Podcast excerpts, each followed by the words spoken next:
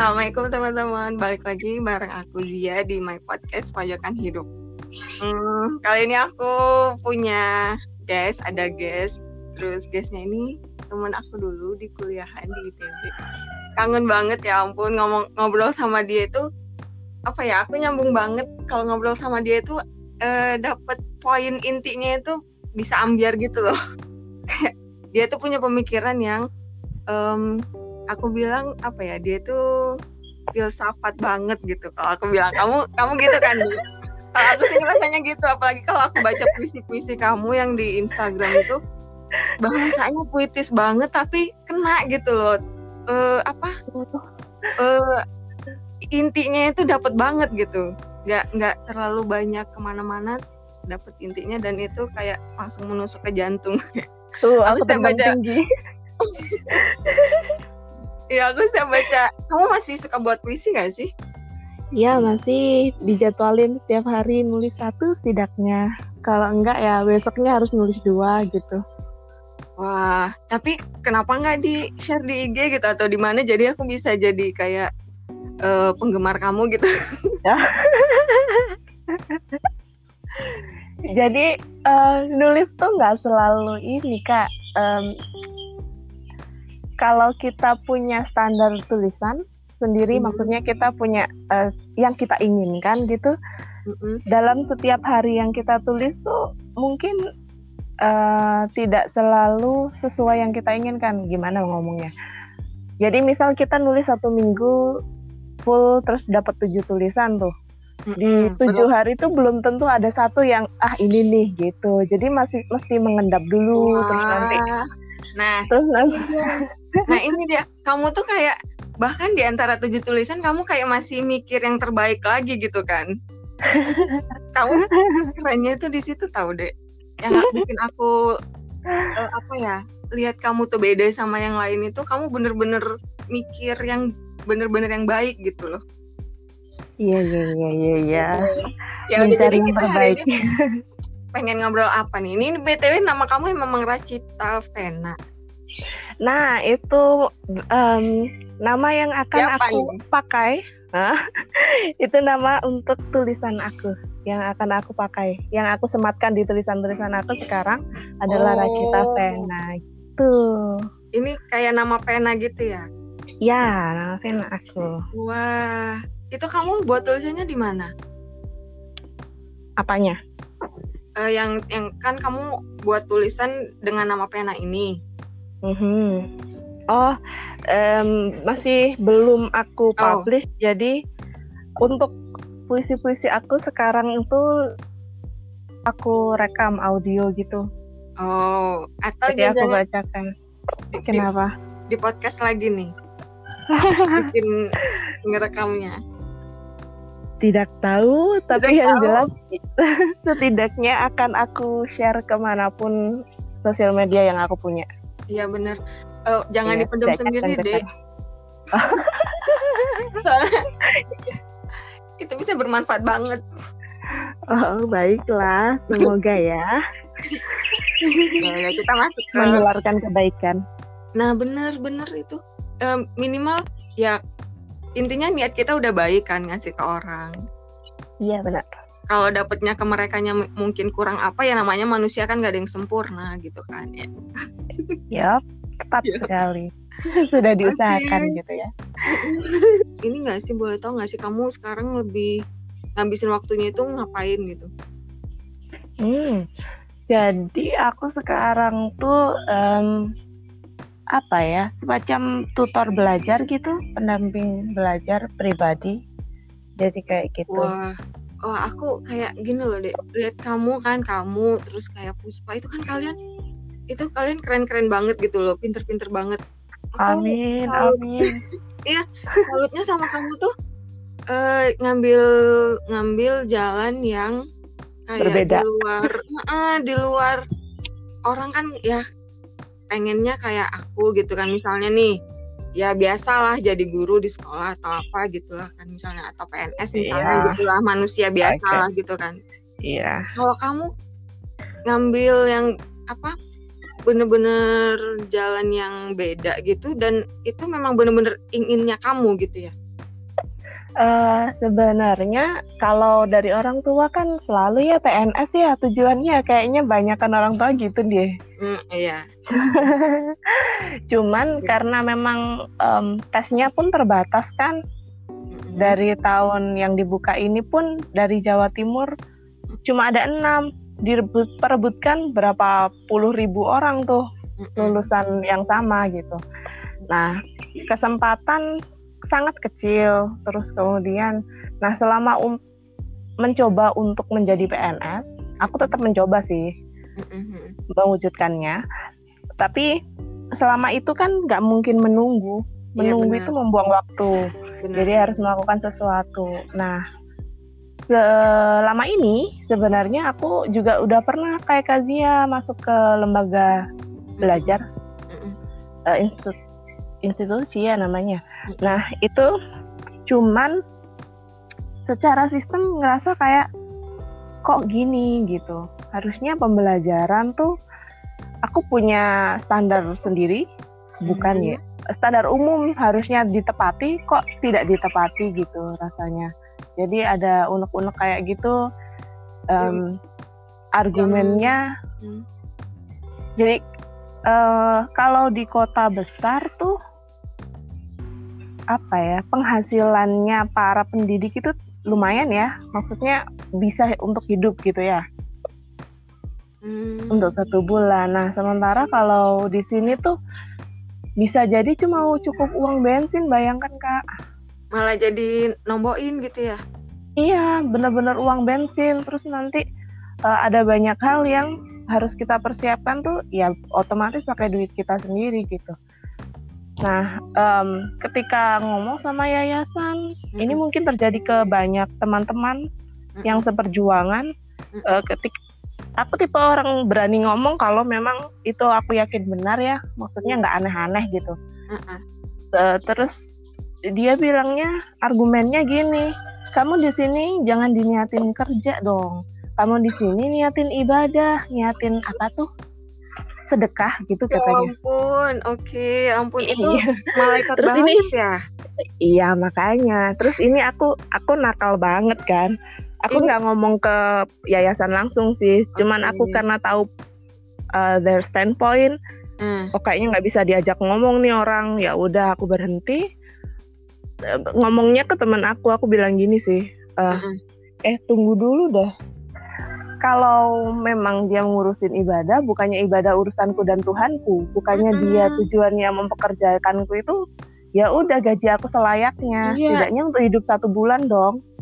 Kan justru di agama juga kan kan disuruh membayar upah sesuai keringatnya kan, nggak ada hubungannya sama. Ya ya memang kalau memang mau ibadah yang bagus ya dia harus harus membayar upah ya sesuai keringat si pekerjanya itu. Iya, si Tapi beda benar. Anak-anak di sana bayar uang sekolah kan?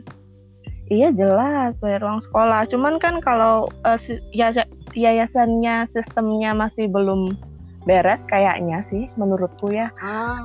Itu tuh bakal um, alokasi dananya ke mana-kemana hmm. itu kita kayaknya aku curiganya gitu sih maksudnya hmm. ada yang masih diprioritaskan untuk saat ini masih belum diprioritaskan gaji karyawannya kayaknya gitu dia mau bangun apa mungkin gitu sih jadi uangnya ke sana mungkin wah itu gitu, nah banget sih ya uh, nah terus uh, ada beberapa poin yang kayaknya pendidikan nggak gini-gini amat gitu jadi kalau misalkan uh, ada hal yang positif di sekolah itu sebenarnya. Kalau hmm. misalkan kita pernah lihat meme-meme yang beredar tentang pendidikan itu kan uh, anak-anak yang awalnya pola pikirnya ada banyak segi, terus hmm. kemudian dia masuk sekolah, terus seginya dipotong menjadi uh, persegi empat misalnya kayak gitu.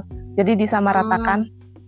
Nah, kalau di sana tuh memang anak-anak dibebaskan untuk memunculkan warna di gitu. Jadi di di, di sana di mana? Di sekolah kamu yang ini? Iya benar. Jadi uh, didukung gitu. Kalau kamu memang bakatnya ada di gambar, ada nih tugas yang benar-benar ngedukung kamu di dunia kamu gitu. Selain kamu belajar, tapi kamu ada yang ngasih poin plusnya gitu loh. Mm -mm, mm -mm. itu dikasih wadah lah intinya. Nah gitu-gitu ada bagusnya. Nah cuman kadang tuh mm, karena titik beratnya kan memang ke anak ya. Ini SMP by the way. Jadi uh, sifat kekanak-kanakan sifat SD kan masih ke bawah. Nah kadang aku ngerasa itu terlalu dipelihara uh, guru-gurunya menjadi seakan-akan menjadi ibu kedua saja. Padahal kalau di parenting sekarang kan ibu itu harus bisa jadi teman, harus bisa jadi sahabat bahkan gitu kan. Iya. Jadi uh, uh, jadi bukan hanya keibuannya yang diperlukan nih di sini bimbingan yang kayak gitu bukan. Kan kadang tuh gini kalau um, gurunya terlalu menjadi ibu mm -hmm. dalam artian maunya ngasih contoh yang terbaik saja itu tuh kadang maksudnya tidak marah sama sekali ini kak. Mm-hmm. uh, padahal ibu kan harusnya pernah menjadi marah gitu loh.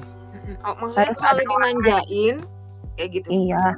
Uh, uh, uh, boleh dikatakan manjain ya karena nggak pernah marah. Jadi memang ngajak ngobrol cuman kan ketika benar-benar salah kan harus memperlihatkan kalau itu salah tidak hanya dikasih tahu itu kamu salah kenapa kamu melakukannya? Tidak seperti itu. Terus karena tidak semuanya mempan gitu gitu kan. Benar-benar hmm, apalagi uh, jadi, anak SMP yang yang kayak masih itu tadi nggak masih iya, banget gitu ya. Iya kadang jadi mereka kamu caranya mereka, gimana dong? Yang yang menurut kamu itu sesuai itu yang gimana? Uh, menurut aku kalau misalkan kamu jadi guru kamu harus keluarin warna jangan. Kalau misalkan guru itu harus putih ya anak nggak akan kenal dengan baik. Maksudnya ketika dia terjun ke masyarakat dia kaget. Warnanya masyarakat banyak banget. Ada yang mencolok banget gitu kan. Ininya hijau gitu. Jadi jadi kalau misalkan jadi pendidik itu menurutku harusnya keluarkan warnamu untuk memperkenalkan justru warna dunia itu banyak. Bahwa kamu bukan warna yang terlalu mencolok atau paling mencolok di dunia ini. Jadi kamu ya ya udah jadi dirimu dan berlakulah yang baik gitu. Tapi kan kalau ya uh, tadi kan kamu uh, ini ya ngajarnya kan yang di sekolah SMP itu. Kalau mm-hmm. anak-anak SMP itu kan justru masih belum belum bisa nemu dirinya sendiri gitu loh, Dek. Itu gimana nah. dong kamu caranya? Maksudnya gini, kasih tahu dia ini loh diri kamu yang sebenarnya. Terus kamu nggak apa-apa sama ini. Uh, kamu jadi gini juga nggak apa-apa asalkan yang baik gitu. Nah kamu gimana? Nah, nah justru dengan memperlihatkan warna kita kak. Kalau misalkan dia taunya putih dia pikirnya wah susah banget jadi putih. Aku tuh nggak gitu. Aku nih apa? Aku bukan manusia. Kayak gitu seakan-akan. Bukan. Jadi uh, justru dengan kita kasih tahu warnanya manusia itu beda dari lingkungan sekolah aja dia sudah lihat gurunya berbagai macam warna. Nah, di situ dia akan menemukan role model yang paling tepat untuk dirinya. Misal dia sebenarnya warnanya pink gitu. Mm. Tapi aku bukan pink yang soft kayak gini. Terus ada gurunya satu yang hot pink gitu. Lah ini nih yang tepat gitu. Jadi dengan memperlihatkan warnamu, mereka akan lebih banyak pengetahuan yang akhirnya dia, oh ini nih aku. Dia akan lebih mudah me mendapatkan dirinya gitu. Hmm, oh jadi maksud kamu tuh kayak ya gurunya juga kalau bisa berarti si guru ini harus punya banyak warna dulu kan? Yang, uh, di, yang bisa ditampilkan ke anak-anaknya dan anak-anaknya ini kayak ujung-ujungnya nanti bakal milih nih bakal nyaman yang mana dan itulah dia warnanya iya. yang dia punya gitu ya. Iya benar. Okay. Lebih ke ya. gurunya berani untuk memperlihatkan hmm. warnanya, jangan hmm. sok putih gitu. Sok bener, putih maksudnya si guru juga ya jadi hmm. diri sendiri gitu ya intinya ya iya iya iya. Iya iya. Jangan hanya ingin uh, terlihat baik gitu. Ya ya harus benar-benar baik tapi dengan warnamu gitu maksudnya. Jangan okay, bener -bener. pengennya putih gitu. jangan jangan fake intinya ya jangan kayak iya iya benar. Aku rasanya kadang fake loh guru-guru itu. Kalau di depan muridnya baik banget. Tapi kan nggak semua warna kayak gitu Uh, kalau aku gini sih kadang hmm. uh, di kelas aku di mm -mm. aku tekankan gini aku mm -mm. adalah cermin kalian tahu aku bilang gitu mm -mm. ketika kamu berteriak kepadaku aku juga bisa melakukannya kepada kamu aku bilang gitu dan itu aku lakukan benar-benar karena sudah aku peringatkan di awal karena aku uh, ini karena lingkungan sekali lagi mm -mm. Uh, beberapa anak tidak mau mendengarkan karena dia tidak melihat secara langsung efeknya gitu jadi kalau diberitahu tuh masih aja bangkang gitu uh, terus kemudian karena aku pernah mengutarakan itu di awal kelas ketika ke, uh, ada anak yang ini buruk mungkin ya akunya ketika ada anak yang uh, berteriak teriaknya itu bentak-bentak gitu kepada guru loh kepada oh. orang yang lebih tua mm -mm. dan kes, poin kesalahannya ada pada dia. Ketika itu jam makan usai, mm-hmm. sudah dikasih waktu 10 menit toleransi mm-hmm. untuk segera masuk, dia lama-lamain tuh karena dia ngerasa oh aku dibolehin gitu sebenarnya. Mm-hmm. Jadi waktu itu uh, sudah ditegur berulang kali, dibicarain baik-baik, eh ternyata justru malah bangkang gitu. Terus justru dia malah gitu nggak ngerasa bersalah uh, ya? Iya gitu. Terus hmm. akhirnya pada ujungnya dia bentak gurunya, yaitu oh. aku. Karena aku sudah uh, mengatakan bahwa aku adalah cermin, langsung aku hmm. bentak bentak balik. Hmm. Memangnya yang salah siapa? Yang melanggar peraturan siapa? Sudah ditoleransi dan sebagainya gitu ya. Terus kemudian dia terkejut. Terus aku keluarkan statement poin yang di awal tadi Mm-mm. Saya sudah berkata kepada kalian bahwa saya ini cermin di sini. Kalian bentak, saya bisa bentak. Gimana rasanya dibentak? Saya bilang gitu. Mm-mm. akhirnya apa ya? Hmm, keinginanku adalah ketika mereka melakukan sesuatu, cobalah untuk melihat posisi yang bukan dia. Cobalah oh. untuk berdiri di sepatu orang lain sebelum kamu melakukan sesuatu gitu loh. Iya. Jadi nggak poinnya dunia ini nggak berputar pada dirimu gitu, ya kan? Ayolah proses berpikir itu dilakukan iya. gitu. Kira-kira kalau untuk anak-anak yang kamu hadapin itu ya, iya. sifat mereka di sekolah sama sifat mereka di rumah itu sama aja atau beda? Oh, ter pernah terkadang tahu uh, pernah tahu ada kejadian yang berbeda sekali justru di rumah dia baik sekali. Mungkin kalau misal kita uh, ngobrol ke orang tuanya, kita nggak akan ketemu jalannya nih, karena di rumah mereka baik sekali, benar-benar baik yang anak yang, aduh, rajin ibadah yang begitu begitulah. Mm -mm. Tapi di sekolah itu dia kan gini, aku punya pemikiran anak remaja, remaja awal terutama yang sedang mencari dirinya, mm -hmm. itu dia lagi jalan di satu lorong mm-hmm. yang dia nggak kelihatan dindingnya itu di sebelah mana. Jadi dia lagi nyoba nih. Dia mepet kanan, masih mm-hmm. kepentok nggak? Kalau nggak kepentok dia akan terus ke kanan. Mm-hmm. Terus nyoba lagi ke kiri gitu. Jadi dia nyoba-nyoba gitu sampai dia kepentoknya di mana. Nah di situ dia akan lihat garis batas e, norma itu di mana, nilai itu di mana gitu. Jadi emang dia sedang mencari. Jadi dia nabrak kanan nabrak kiri memang kalau usia-usia segitu.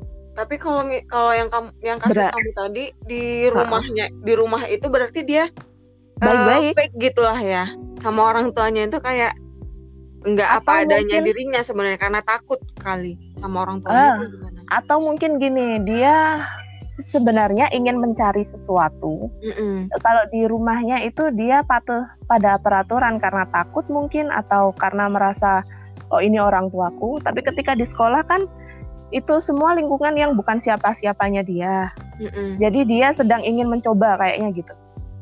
Mencoba mm. batas-batas sampai mana sih aku boleh ke kanan, sampai mana aku boleh ke kiri gitu kayaknya. Kalau yang jadi dia hmm. Kalau yang tadi si anak yang ngebentak kamu gimana? Dia orangnya gimana? Kalau misalnya di rumah sama di sekolah gitu beda nggak? Beda. Beda. Justru ini orang yang uh, sama yang beda. Iya orang yang sama. Oh. bedanya mungkin tidak terlalu besar karena dia memang kekeh gitu orangnya. Tipe yang vokal lah tipe orang yang vokal. Cuman bedanya kalau di rumah dia lebih sopan kayaknya bisa dibilang gitu ya kalau ke orang tuanya orang tuanya tuh halus loh. Halus maksudnya? Lembut gitu? Uh, lembut lembut. Iya benar. Orang tuanya tuh lembut halus lagi. Orang tuanya tuh lembut gitu. Jadi dia juga kalem gitu kalau di rumah. Nah nggak tahu nih di, makanya aku iya, iya. ngomongnya iya. gitu. Kalau di sekolah tuh kayaknya lagi, tempat eksperimen. Uh, lagi nyari jati diri gitu ya. Kayak iya, ke ke mana-mana gitu. ya suka-suka dia aja gitu. Nggak ada yang iya benar bakal marah atau maksudnya ya iya, mungkin seakan-akan gitu kamu btw udah berapa lama waktu itu di sekolah itu maksudnya kayak udah kamu kan gini Enggak. pastinya kamu nggak hmm. yang nggak yang gitu masuk terus kayak berapa bulan nggak yang gitu juga kan langsung ah, keluar berapa gitu. bulan ih berapa bulan aku keluar ya yo oh iya berapa bulan 8 bulan aku keluar oh 8 bulan udah itu iya. tinggal kayak, itu kayak dua... mau melahirkan aja gitu ya 8 bulan. Itu bener.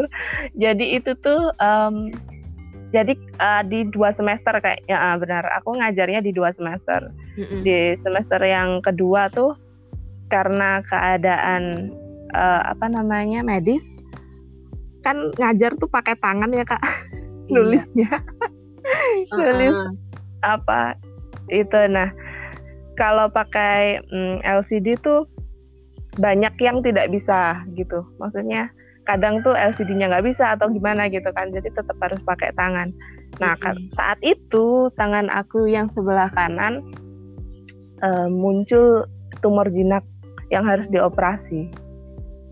Oh. saat itu nggak ada penggantinya nih aku di sekolah. Nah kalau aku tidak keluar yayasan tidak mencari pengganti begitu poinku hmm. sejauh itu terus kemudian kalau aku di situ terus pasca operasi lama ya gitu jadi hmm. kayaknya uh, bakal ter, bakal terbengkalai ini tugasnya hmm. jadi aku saat itu memutuskan untuk keluar gitu jadi kamu kan sekarang berarti udah enak lah ini ya maksudnya kan kamu ya, lebih punya baik. peraturan sendiri nih udah punya tempat oh, iya, tempat bener. ngajar private maksudnya pribadi dan dan ya warna kamu udah pasti keluar semua lah gitu kan sama anak-anak kamu yang ya. sekarang gitu kan nah ya.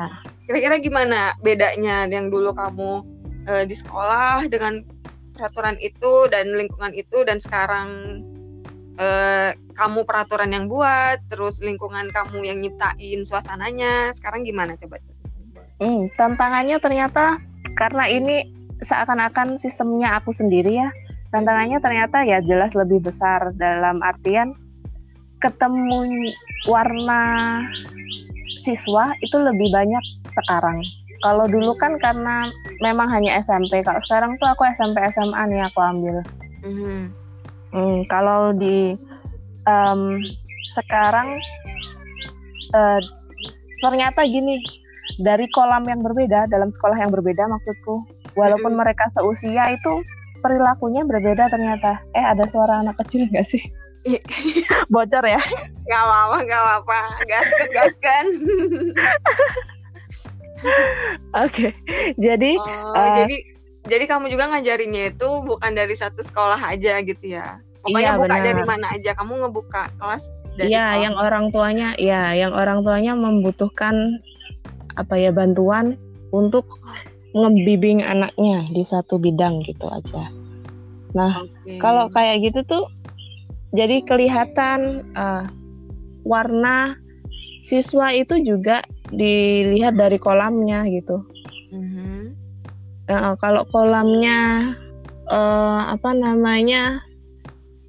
Kolamnya ini maksudnya sekolahnya gitu ya? Sekolahnya, iya benar. Kalau mm-hmm. iya lingkungannya ya berarti. Kalau lingkungan sekolahnya mendukung dia untuk um, benar-benar berpikir kritis, mm-hmm. tentu dia akan berpikir kritis. Tapi kalau sekolahnya kadang tuh ada yang memaklumi siswanya gitu loh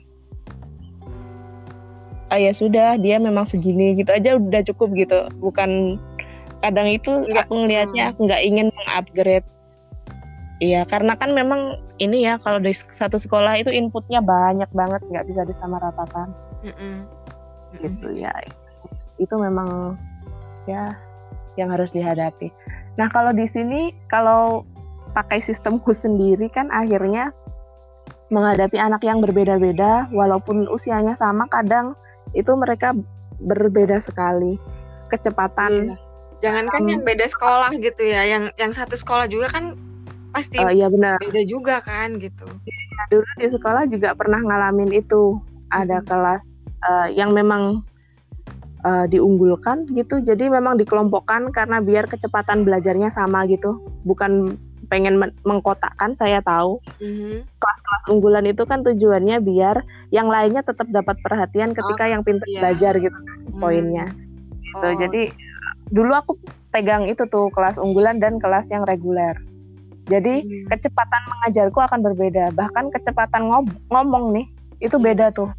Mm-hmm. kalau uh, kalau disamakan yang satu nggak nggak nangkep poin biasanya gitu. Benar poin benar. hmm, gitu kan. Yang satunya pengen cepet pengen lanjut yang satunya mah takutnya ketinggalan gitu ya. Jadinya dibeda-bedain. Yang bukan uh, berarti kayak mengkotak-kotakan gitu ya. Iya benar. Memfasilitasi lah ya. Hmm. gitu. Jadi kalau sekarang kan lebih banyak hmm. macamnya iya. kecepatan yeah. juga beragam jadi uh, selalu kalau di depan tuh aku ngomongnya gini kalau saya terlalu cepat boleh kamu interupsi terus kemudian kamu minta untuk mengulangi karena kan hmm. aku ketika ngajar SMA jelas kecepatannya lebih tinggi daripada ngejar SMP ya kadang tuh hmm.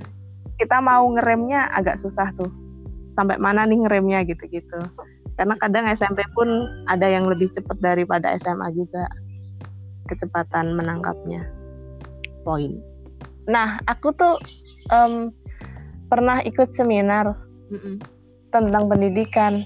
Dan aku seneng banget di situ. Mm-hmm. karena tuh uh, karena itu seminarnya umumnya jadi yang ngasih seminar juga ada dari guru pelajaran SD gitu-gitu terus dari sekolah negeri dan swasta gitu jadi campur waktu itu aku ambil kelas aku lupa tentang apa tapi di situ yang hadir adalah guru matematika dan guru musik gila di satu panggung yang sama. Oh. Terus terus mereka ternyata berkolaborasi bagaimana mengajarkan siswa SD untuk uh, hitung menghitung dengan cara yang menyenangkan tidak bahwa satu tambah satu itu harus dua tidak hanya begitu hmm. tapi bahwa normalnya satu dan satu itu kesepakatannya dua gitu jadi lebih halus maksudnya lewat musik ah Dija iya mereka yeah. bikin lirik terus guru musiknya uh, bikin nadanya gitu-gitu uh, wah keren gitu ya, banget anak-anak uh -uh.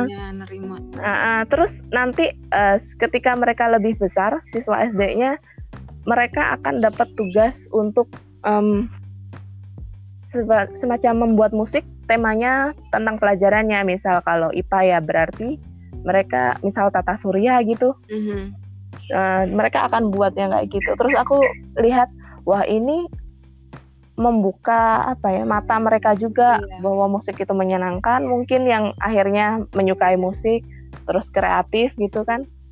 Jadi nambah banyak sisi jadi sebenarnya tugas yang diberikan oleh guru bisa bersevariatif itu sehingga mereka akan menemukan dirinya di tugas-tugas itu.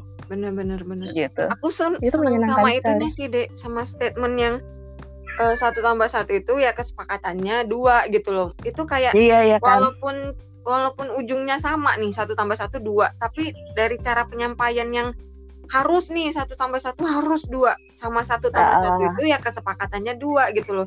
Dia kayak uh, jadi lebih jadi kan si orang orang juga jadi lebih berpikir atau jangan-jangan satu tambah satu bisa bisa bukan dua kayak gitu kan.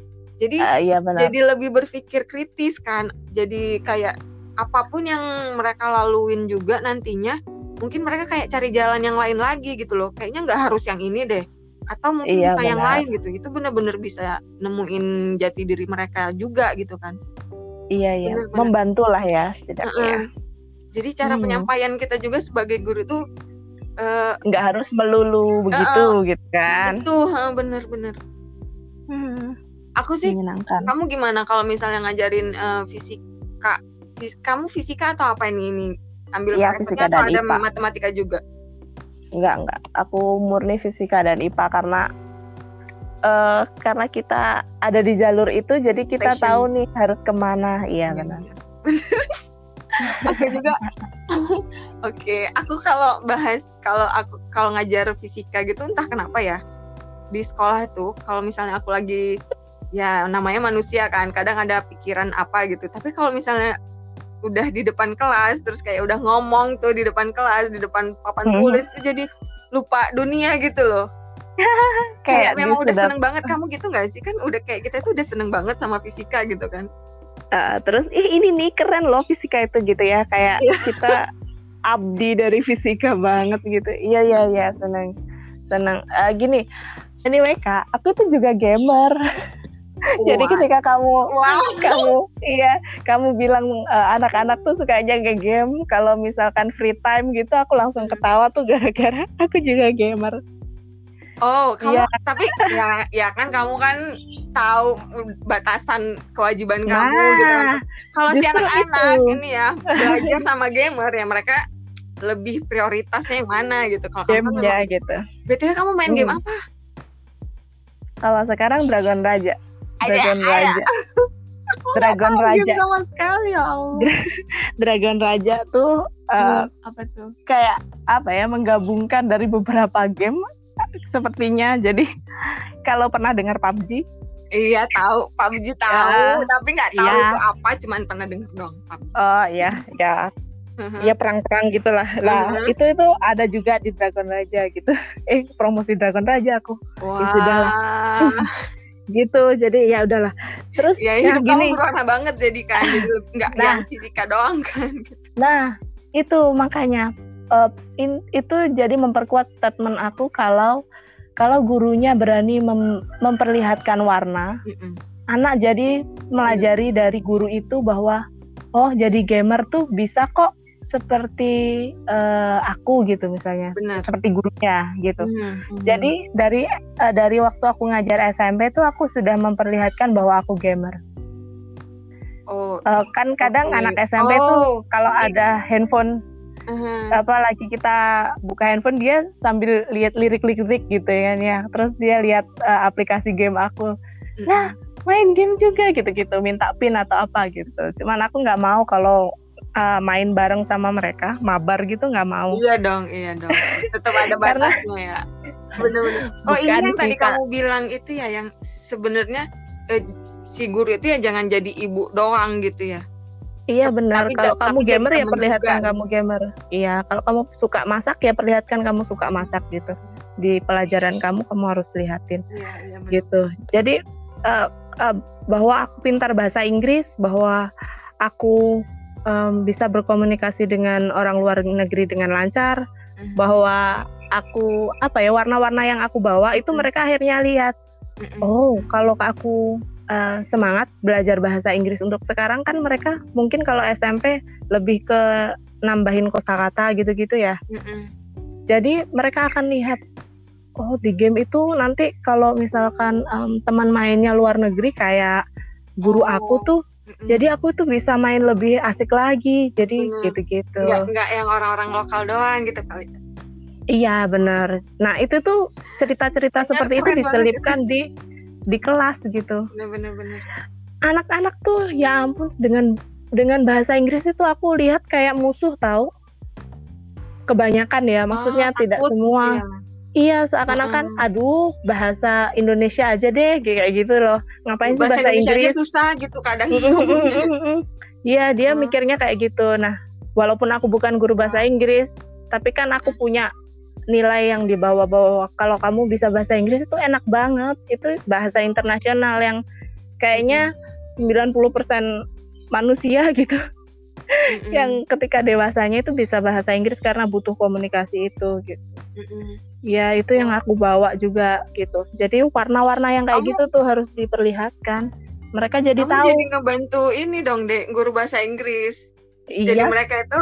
nah, aku sampai di sekolah itu aku sampai jadi mentor di English Day. Jadi eh, di sana itu hari Sabtu itu kita tidak pelajaran. Uh -uh. Uh, jadi di pagi hari itu karena itu English Day di pagi hari itu memang aktivitasnya aktivitas luar ruangan yang tentang untuk bangun bahasa Inggrisnya mereka, terus kemudian nanti dilanjutkan ekstrakurikuler dan sebagainya yang begitu-begitu. Nah, di hari itu kan memang harus bahasa Inggris. Nah, aku tuh salah satu mentor di situ sampai sampai aku menjadi mentor padahal bukan guru bahasa Inggris. Jadi mereka akhirnya melihat warna bahwa anak yang uh, pintar sains uh, bukannya kemudian di jadi boleh pakai kacamata tebel atau uh, bawa uh, buku sains mulu gitu uh, ya. Uh, uh, terus Tapi, kayak seakan-akan bahasa Inggris menjadi tidak perlu karena sudah pintar di mm, sains gitu-gitu. Mm, gitu tuh uh, uh, stereotip yang semacam itu harus ditabrak di sekolah, oh. harus diperlihatkan bahwa itu sudah um, bukan zamannya kayak gitu gitu. Bener. Akhirnya mereka sekarang, punya itu. Sekarang tuh sekarang tuh bukan berarti anak pinter di sekolah uh, ya segalanya gitu ya. Maksudnya kayak pinter pelajaran berarti udah bisa hidup dengan baik bukan berarti kayak gitu ya? Uh, jadi ya. orang guruku Justru aja. harus... ya, ya jadi dia harus lihat orang guruku aja yang misal orang saintis banget nih ternyata hmm. dia bahasa Inggrisnya oke okay juga. Terus hmm, dia ngegame. game juga gitu kan. dia ngegame gitu. Jadi kalau sama siswa itu oh ada baiknya lo membuka diri bahwa kita sebagai pengajar itu ternyata gamer adalah mereka lebih dekat. Aku pernah uh, kalau jadi di game Mobile Legend itu kan selalu ada tokoh baru gitu ketika upgrade. Nah saat itu aku oh. belum punya tokoh itu gitu. Terus aku juga nggak tahu um, skill-skillnya si tokoh itu apa aja gitu kan. Terus aku lihat sesuatu main kan. Aku perhatiin hmm. loh dia bisa melakukan itu aku gitu. Terus dia kaget loh uh, main juga bu guru kayak gitu gitu kan.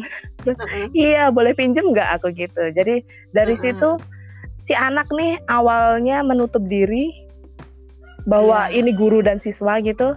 Terus akhirnya yeah. wah teman main juga gitu akhirnya. Uh -uh. nah dari situ komunikasi bisa berjalan kalau dulu ya. itu jembatannya nggak ada ternyata game bisa jadi jembatan gitu. Benar. Jadi ternyata bisa dimanfaatkan semuanya itu. Dan kalau kita misalnya uh, mau masuk kayak gini udah masuk nih ke ke dunianya dia kita kan bisa kita bilang kita memasukkan diri ke dunianya dia gitu kan. Iya benar. Untuk untuk membuka jembatan tadi gitu. Iya. dan kalau udah kebuka jembatannya kalau kita mau ngobrol apa aja dan walaupun itu pelajaran jadinya lebih enak mereka nerimanya gitu ya. Kayak nggak yeah. terlalu ngebentengin banget ini guru gue ngomong aduh udah gitu. Iya, kayak gurunya belum ngomong aja dia udah udah pusing duluan gitu ya kan. Aduh oh, apa lagi kayak udah, gitu. kalau udah ngobrolnya enak gitu jadi pas ngobrol tentang pelajaran juga ya jadi lebih, lebih nyantai aja iya, gitu tapi tetap diterima gitu ya. Iya iya iya. Iya itu senjata sih sebenarnya kita butuh uh, banyak guru yang punya pemikiran kayak gitu kayaknya deh. Nah, sekarang di Indonesia um, guru yang berpikir yang apa ya punya solusi-solusi kreatif tuh ada ini tahu kak. Jadi oh, ya? ya namanya apa ya lupa. Uh, dia konsepnya yang dipakai menteri kita sekarang Nadim, Bapak Nadim. -uh. Hmm, Jadi uh, merdeka belajar slogannya oh, mereka bener. mereka belajar. Itu gurunya luar biasa kreatif kreatif. Terus kemudian mereka rutin mengadakan pertemuan terus uh, apa seminar-seminar gitu. Menyenangkan juga seminarnya. Aku pernah ikut yang di Surabaya. Semoga sih ya semoga maksudnya kayak kayak menterinya Nadim ini jadi lebih kebuka gitu. Iya. Maksudnya nggak yang pemikiran muda. Pemikirannya uh, uh, jadi iya, lebih nyaman gitu nanti anak-anak pada belajar jadi ke sekolah itu nggak terpaksa gitu. Iya bener oh iya bener nah, sekolah deh. terpaksa. Wah, wow. Enak banget nih kayaknya ngobrolnya nggak nggak kerasa aja nggak gitu. nggak kerasa aku ngobrol sama kamu. Ya udah jadi ya gitu deh ya semoga bisa diambil ini um, hikmahnya sama yang dengerin. Jangan ditiru buruknya. ya dia. iya. Alhamdulillah aku seneng banget. Nanti kapan-kapan kita bisa bahas topik yang lain lagi. Mungkin bahas tentang um, itu kali. Apa? Ya apalagi kan di usia sekarang ini? Oh my god. Itu awam langsung kita ya, obrolin di 21 itu loh dek? Aku masih inget banget di Ciwok gitu ya. itu kayak kita ngobrol dari situ terus kita kan udah pindah-pindah tempat tuh. Ngobrol ya tetap aja. Iya di di Ciwok itu kan kita bisa kayak ngobrol di di di 21 misal nih. Terus belum beres nih eh ngobrol lagi pindah tempat minum apa kemarin tuh ya. Terus kayak ngobrol lagi ke ke Tongji gitu. Pokoknya satu hari itu bisa pindah tempat dan obrolannya masih itu lagi itu lagi. Bisa tiga podcast tuh kayaknya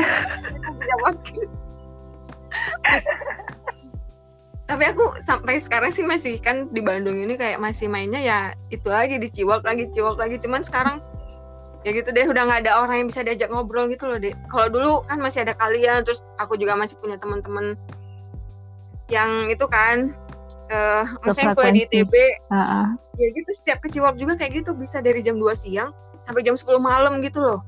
Dan pindah-pindah tempat gitu dan obrolannya ya nggak tahu apa aja nggak tahu.